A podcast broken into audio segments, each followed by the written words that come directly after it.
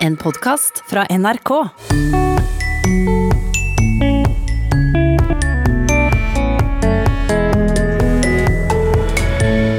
Hva er et snippetriks, spurte vi forrige uke, uten å få helt svar. Nå vet vi at vi skal til Marinen. Der er det mye rare greier der i marinen. Og nynorskroboter har inntatt mediebransjen. Med ett tastetrykk oversettes bokmål til nynorsk. Det er å trykke på oversett-knappen og vente i to sekunder ca., og så får, får man en nynorsk eh, versjon ut. Og jeg tror at dette her er et hjelpemiddel som veldig mange kommer til å få øynene opp for etter hvert. Vel møtt til Språkteigen. I forrige ukes Språkteigen fikk vi et spørsmål fra Jens Carl Rånås om et ord han hadde surrende i huet. Ordet, det var snippetriks. Ja, det der var et sånt artig ord. Det svarte Tor Erik Gjenstad, som fikk spørsmål om hvor kommer det uttrykket fra? Så ser ut for å være nyere slenguttrykk, det der. Det er ikke ordboksført, eh, så vidt jeg kan se, men jeg finner jo litt om det på nettet. Eh, og det går på sånne kjappe, smarte løsninger. Eh, det er somme som f.eks. tyr til snippetriks for å lure grønnsaker til ungene. Eh, og noe mye mer vet ikke om det. Så da gjorde vi noe som ofte viser seg å være lurt, nemlig å spørre døkk som hører på. Og det ga resultater. Jan Erik Steder og Aslak Nyhammer tok sporenstreks kontakt og gjorde oppmerksom på at vi skulle til Marinen. Der er det mye rare greier der i marinen. Og ved Marinemuseet i Horten jobber orlogskaptein Torgeir Nilsen. Han kjenner godt til ordet snippetriks. For meg så er det jo et dagligdags ord, eller var et dagligdags ord, brukt i dagligtale om bord. Men hva er det? Ja, det blir brukt litt grann i flere forskjellige sammenhenger, men det er først og fremst et, eh, en måte å gjøre ting litt enklere på, og da utenfor regelverk og reglement. Men hva er en snipp? Det er da eldste kontingent eh, om bord. Det er eh, fire kontingenter av vernepliktige i året i marinen. Så da vil det alltid være et eh, eldste kull om bord, og de er, var snipper. Og som da kunne alle snippetriksene. Og mitt snippetriks kunne vært å bare ta med jobben hjem att da jeg fikk dette spørsmålet første gangen. Det ville vært en snarvei. For min bedre halvdel, Trond Bjøntegård, han har en fortid fra marinen, og han husker godt hvordan snippa trona øverst på en slags rangordning om bord. Ja, Når du kommer inn, så er det jo blodtapt, eller blodass. Og etter eh, seks måneder så eh, ble du gjerne en kulis. Og det var du da i tre måneder, til du eh, ble timer. Eh, og så eh, var du det da til tolv måneders tjeneste. Da, og fra 12 til 15 måneder så var du snipp, da. Ja, de kunne, kunne triksa. Hvor, hvor, har du erfart dette? her, ja? Jeg var på Kongeskipet først. Og så var jeg der eh, til høsten og havna da på KNM Oslo, en fregatt. Og det begge plasser var vi ble praktisert med snippebord og, og timerbord. Og ble, det var ingen som var i tvil om hvem, hvor de hørte til, da. Og snippetriks ble òg brukt som et middel for å understreke denne rangordningen blant de vernepliktige. Ja, det, er, det var jo slik at de yngre kara de ble jo hersa med. Det ble jo det. Du vet, de eldste de vet jo, vet jo ofte best. Snippetriks henger altså sammen med rang og erfaring. Snippene kjenner til snarveiene og vet hva som er lurt å gjøre, noe som òg gjør det mulig å lure de mer uerfarne. Og det siste der tok til tider helt av, forteller Torgeir Nilsen. Til visse tider så utarta dette her seg vel mye. På hvilken måte? Nei, i negativ forstand at de eldste da, snippene Ja, det blei rett og slett en form for mobbing av yngre vernepliktige. Ble for mange snippetriks, rett og slett, altså? Ja, rett og slett. Og det at de, de, de var mer konger, de enn skipssjefen. Overfor de yngre menige. Ble du utsatt for noe snippetriks, da? Jeg rydda messa eh, på Kongeskipet en gang i siden. Og, og når jeg hadde fylt opp oppvaskmaskinen så, og skulle legge til noe såpe, så, så fant jeg ikke såpa da. Så var det en snipp da som uh, satt der og, uh, og visste råd. Han skulle bare å spyle inn i litt Zalo inn i oppvaskmaskinen, så, så ordnet det seg. Og det var jo Det ble jo en vits om bord da etterpå. ja, det skumma fælt. og Torgeir Nilsen kan fortelle om eksempler på den andre bruken av snippetriks. Ja, det kunne jo f.eks. være å vise en ny menig hvor han skulle slappe av om dagen hvor befalet ikke fant den. Kanskje hvis de ble satt i en malingsjobb, da så hoppa de over det å grunne og bare tok og smurte malinga rett på. Det var jo ingen som så det når de var ferdig med jobben. Det var jo et snippetriks. Og den, si, begrepet spredde seg jo blant oss befal. Altså, hvis vi skulle få gjort en ting på en raskere måte enn det systemet tillot, så, så brukte vi jo vi ordet også at jeg måtte bare ta et snippetriks. Så ja. fikk jeg det gjort. Mm. Ja. Du Torgeir, du er orlogskaptein, og det betyr at du har noen år på baken på båt? Jeg er så gammel at jeg har slutta å telle, men det blei vel rundt 30 år eller noe sånt, tror jeg. Ja. Så det betyr at du har gjort atskillige snippetriks? Er det dumt å svare ja på det? Nei. Nei, det stemmer nok det. Det har blitt noen opp gjennom åra. Det sa Torgeir Nilsen, som jobber på Marinemuseet i Horten. Og jeg har lyst til å sende en takk til de to som hjalp oss å finne ut av dette artige ordet. Jan Erik Steder og Aslak Nyhammer får Språkteigen sitt krus i posten.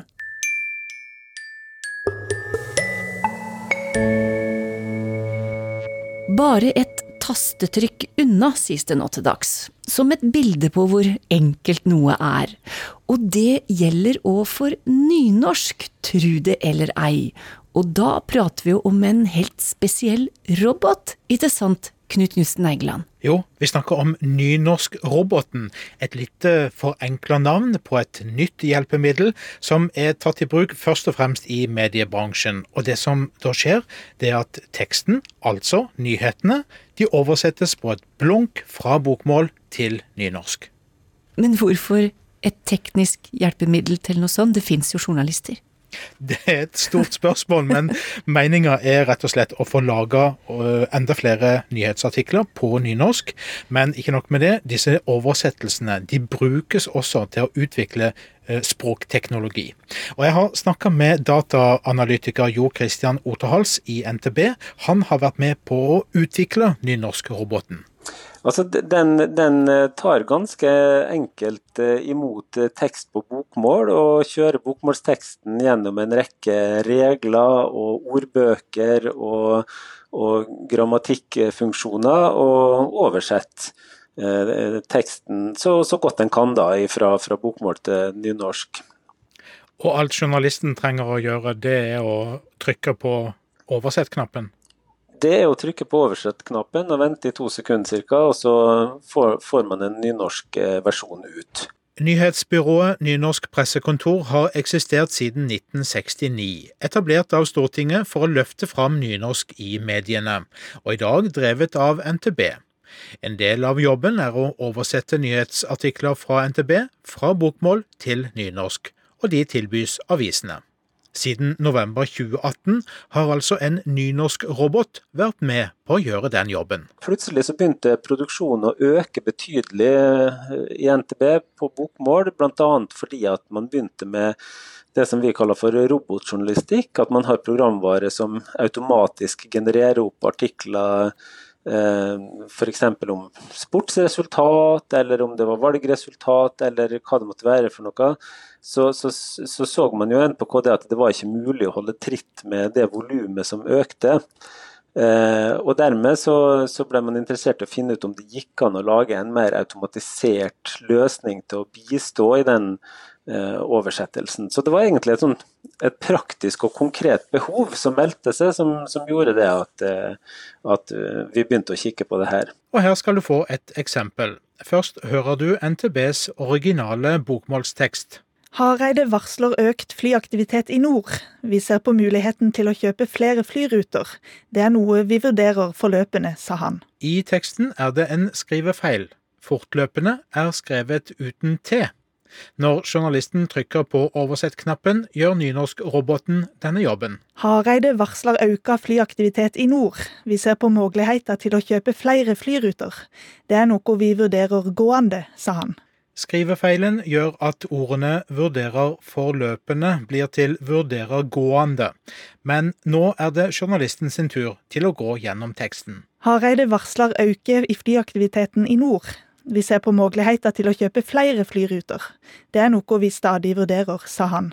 Ordene 'auka flyaktivitet' endres av journalisten til 'auke i flyaktiviteten'.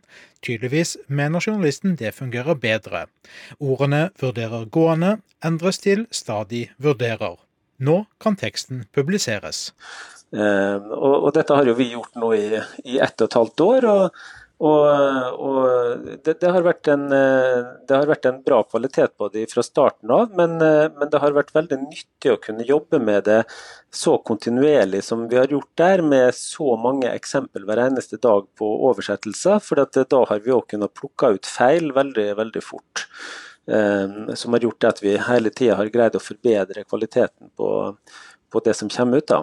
Når en journalist oppdager eh, en feil i den automatiske oversettelsen og retter opp den, så sitter vi igjen med et, eh, et, par av setninger, kan du si. En feil setning og en riktig setning, og det bruker vi til å trene opp roboten til å ikke gjøre de feilene neste gang. da.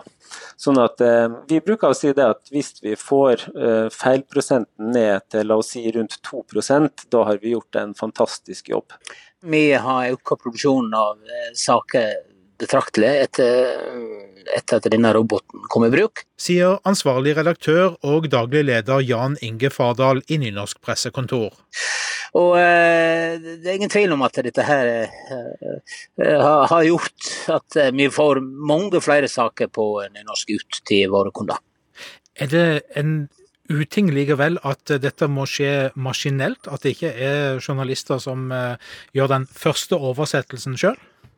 Nei, ikke, nei ikke, ikke, i denne type saker som vi snakker om her. Og, og, det er jo alltid journalister som går gjennom og, og godkjenner teksten før han blir sendt ut. Det, uh, og, den, og da er den kvalitetsstempelet må, må, vi ha. Uh, men nei, det har ikke, jeg, jeg sier ikke det Eh, det er altså noe, noe problem. Eh, det er tvert imot et, et hjelpemiddel som er utrolig, blitt utrolig eh, verdifullt for oss i den, daglige, i den daglige produksjonen. Men et ekstra mål for en redaksjon vil jo være å kunne produsere enda mer unikt egenprodusert stoff.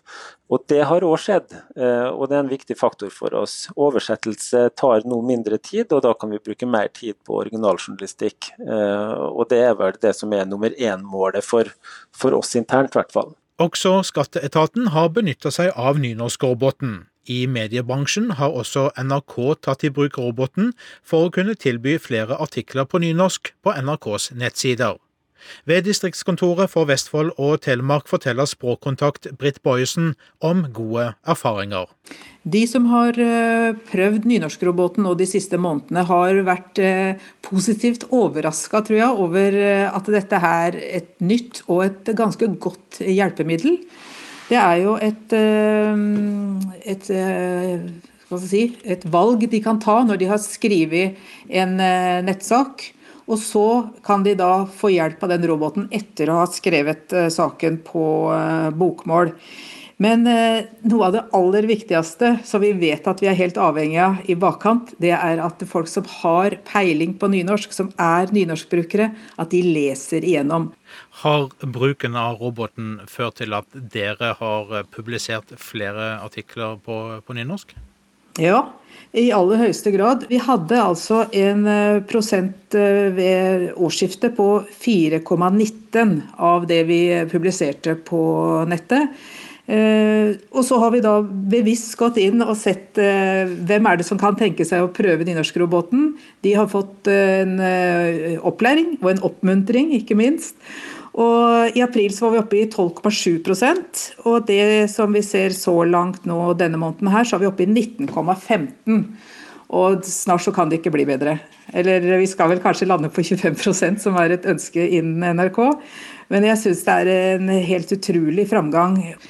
Eh, så jeg tror at dette her er et hjelpemiddel som gjør at folk eh, får litt mer sjøltillit enn hvis de skulle ha si, strevd litt med å skrive dette her uten denne hjelpa. Sier Britt Bojesen ved NRK i Vestfold og Telemark. Men hva er egentlig det unike med nynorskroboten? Dataanalytiker Jo Christian Otterhals svarer. Fordi at det da er hele tida et jevnt tilfang på, på bokmålstekst som skal oversettes, så kan vi òg fange opp alle verdens nye ord, nye måter å frasere og formulere seg på. Og vi kan fange opp alle nye feil som, som denne programvaren gjør, fordi at den møter ukjente ting. Og dette bekrefter direktør for fag og forskning ved Nasjonalbiblioteket, Hege Stensrud Høsøyen det som er så fantastisk med disse tekstene her, det er jo at i motsetning til mye annen tekst som vi kan få tak i på andre måter, så er disse her de er helt oppdaterte. De er på et veldig allment og tilgjengelig nyhetsspråk. Eh, og de eh, handler om mange ulike domener, som vi kaller det. Eh, altså områder i samfunnet. De kan handle om politikk, om sport, om kultur, om helse, om, om transport. Eh, så de er veldig varierte og gode, og dermed er de veldig etterspurte av de som driver språkteknologisk utvikling. For i tillegg til Nynorsk pressekontor, NTB og Språkrådet, er også Nasjonalbiblioteket involvert. De jakter innhold til sin språkbank, forteller Høsøyen. Og vi får avlevert parallelltekster mellom bokmål og nynorsk, og produktet av dette også, som man kaller for oversettelsesminner, som vi kan bruke videre til eh, språkteknologisk utvikling og til innovasjon.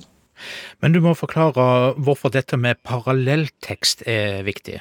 Parallelltekst er en slags sånn grunnleggende språkressurs som brukes nesten, av nesten alle som utvikler språkteknologiske eh, ressurser.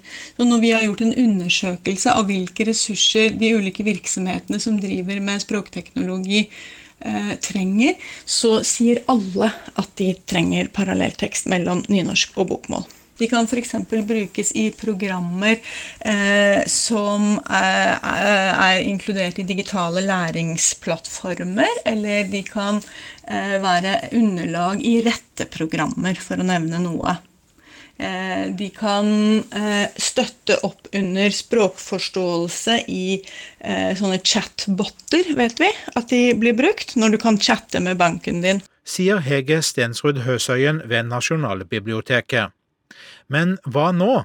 Hva er drømmen til dataanalytiker Jo Christian Oterhals?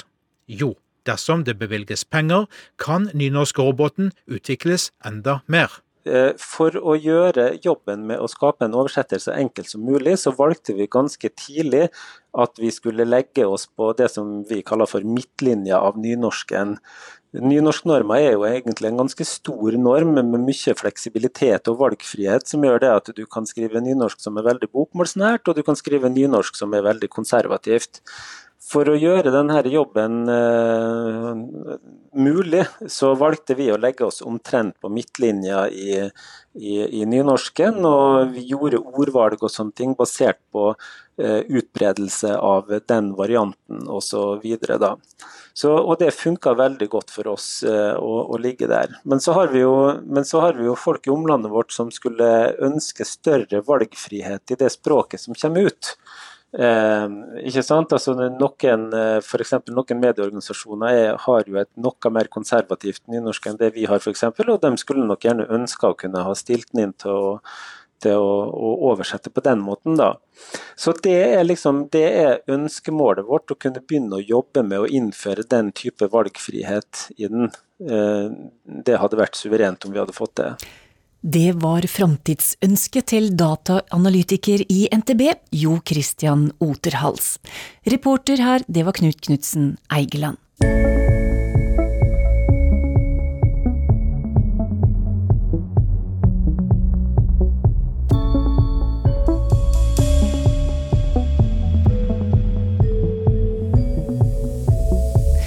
Det er klart for flere lytterspørsmål, og nå er det Toril Oppsal som er klar til å gi svar. Det første spørsmålet kommer fra Pamela, som skriver Jeg har lett forgjeves og finn itte svar. Hvor kommer ordet smutthull fra? Ja, det kommer rett og slett av verbet smutte. Eh, Og det å smutte, det betyr å smette eller smyge. Eh, Så der kan man jo se for seg både det å liste seg forsiktig, og det å gli unna. Eh, Og da er det kanskje greit å forstå at et smutthull, det er jo da noe man både kan benytte for å komme seg unna, eller komme seg ut. Eh, Og det brukes både helt konkret, og ofte vil jeg vel si en mer overført forstand, der man nettopp leter etter muligheter til å smyge seg unna. Og en kjent sammenstilling er jo et smutthull i loven, eller å finne et smutthull i reglene, som man rett og slett kan slippe unna. Ja, det er moro. Det er jo noen ordbøker som kobler dette verbet også til smug, eh, som, som også gir ja, noen av de samme assosiasjonene. Eh, Og i norrøn tid så har jo smug også betydningen trang åpning. Eh, Så, så dette hullet, å smutte og smug og smutt, det, dette er et stort kompleks av ord eh, som betyr veldig mye av det samme. Jeg hører av og til at det blir sagt på radio vondt og flere vondter.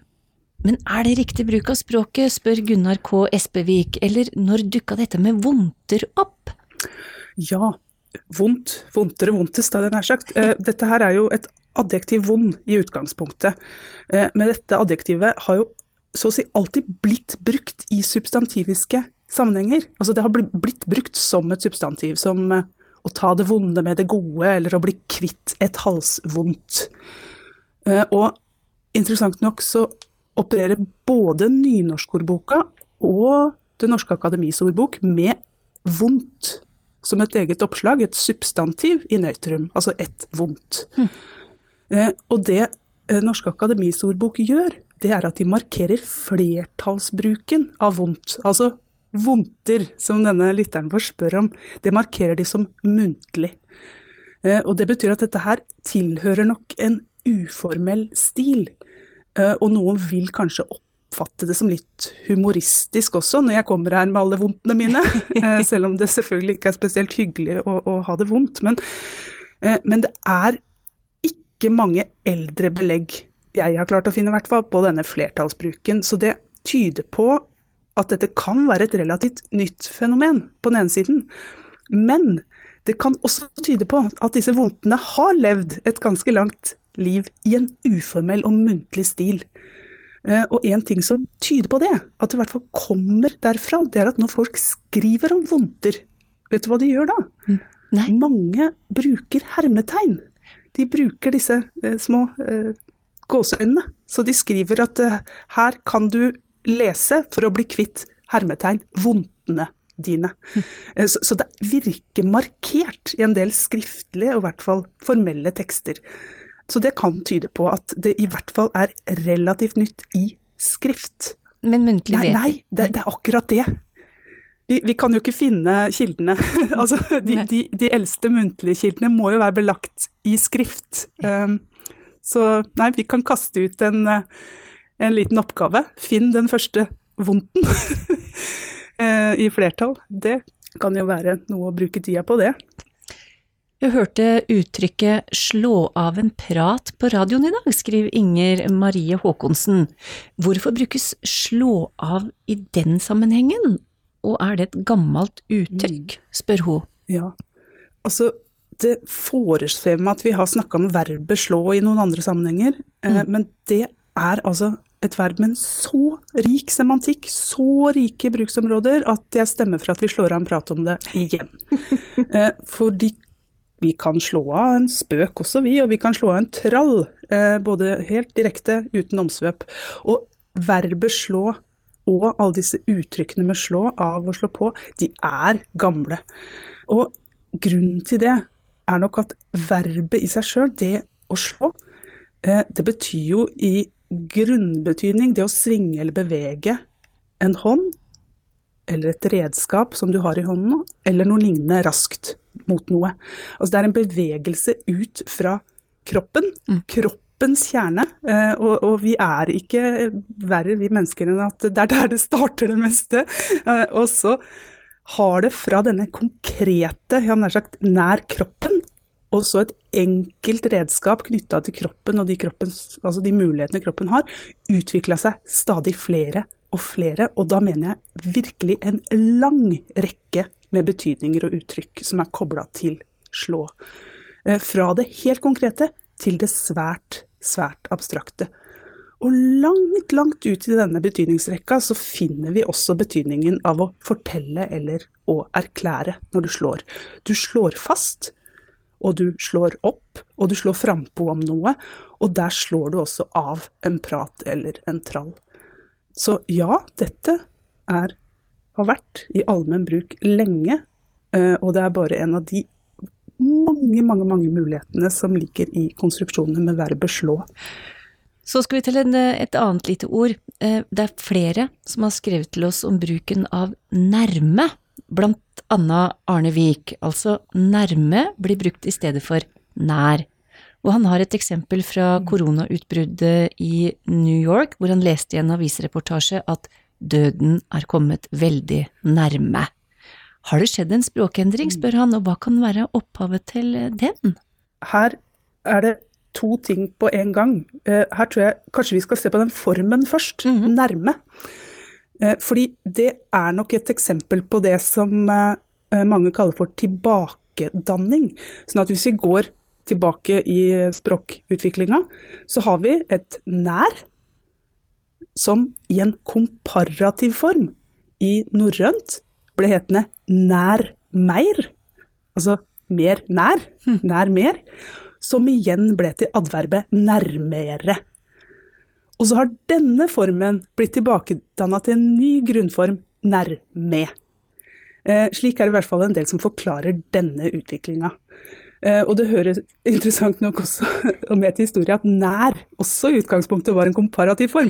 Så her er det en sånn, eh, da skal jeg si en sånn liten dans fram og tilbake, en liten trykkare. Eh, så det er den ene siden av saken. Den andre er at eh, Norsk ordbok sitt materiale viser at dette her nok også eh, uttrykker dialektforskjeller. Eh, fordi adverbet nærme, det heimfester de til Østfold, til noen få steder i tidligere Vestfold og innover i Hallingdalen. Eh, også noe fra Eidsvoll. Eh, og jeg lurer på om du en gang sa du brukte nærme, Torunn? Ja. Ja, ja. Eh, så dette her er nok primært, eller i hvert fall vært et østnorsk fenomen. Så, så her er det både noen dialektforskjeller og rett og slett varianter av ord som har utvikla seg parallelt. Og jeg ser også at stilmessig så er det noen som reagerer på bruk av nærme. Og det kan kanskje nettopp være fordi det har et, igjen et sånt dialektalt og muntlig utgangspunkt. Eh, Og stort sett så er nær og nærme synonyme. Altså du, du kan bruke det om hverandre, men, men, men av og til så skurrer det litt. Eh, Så jeg sier stort sett er de synonyme.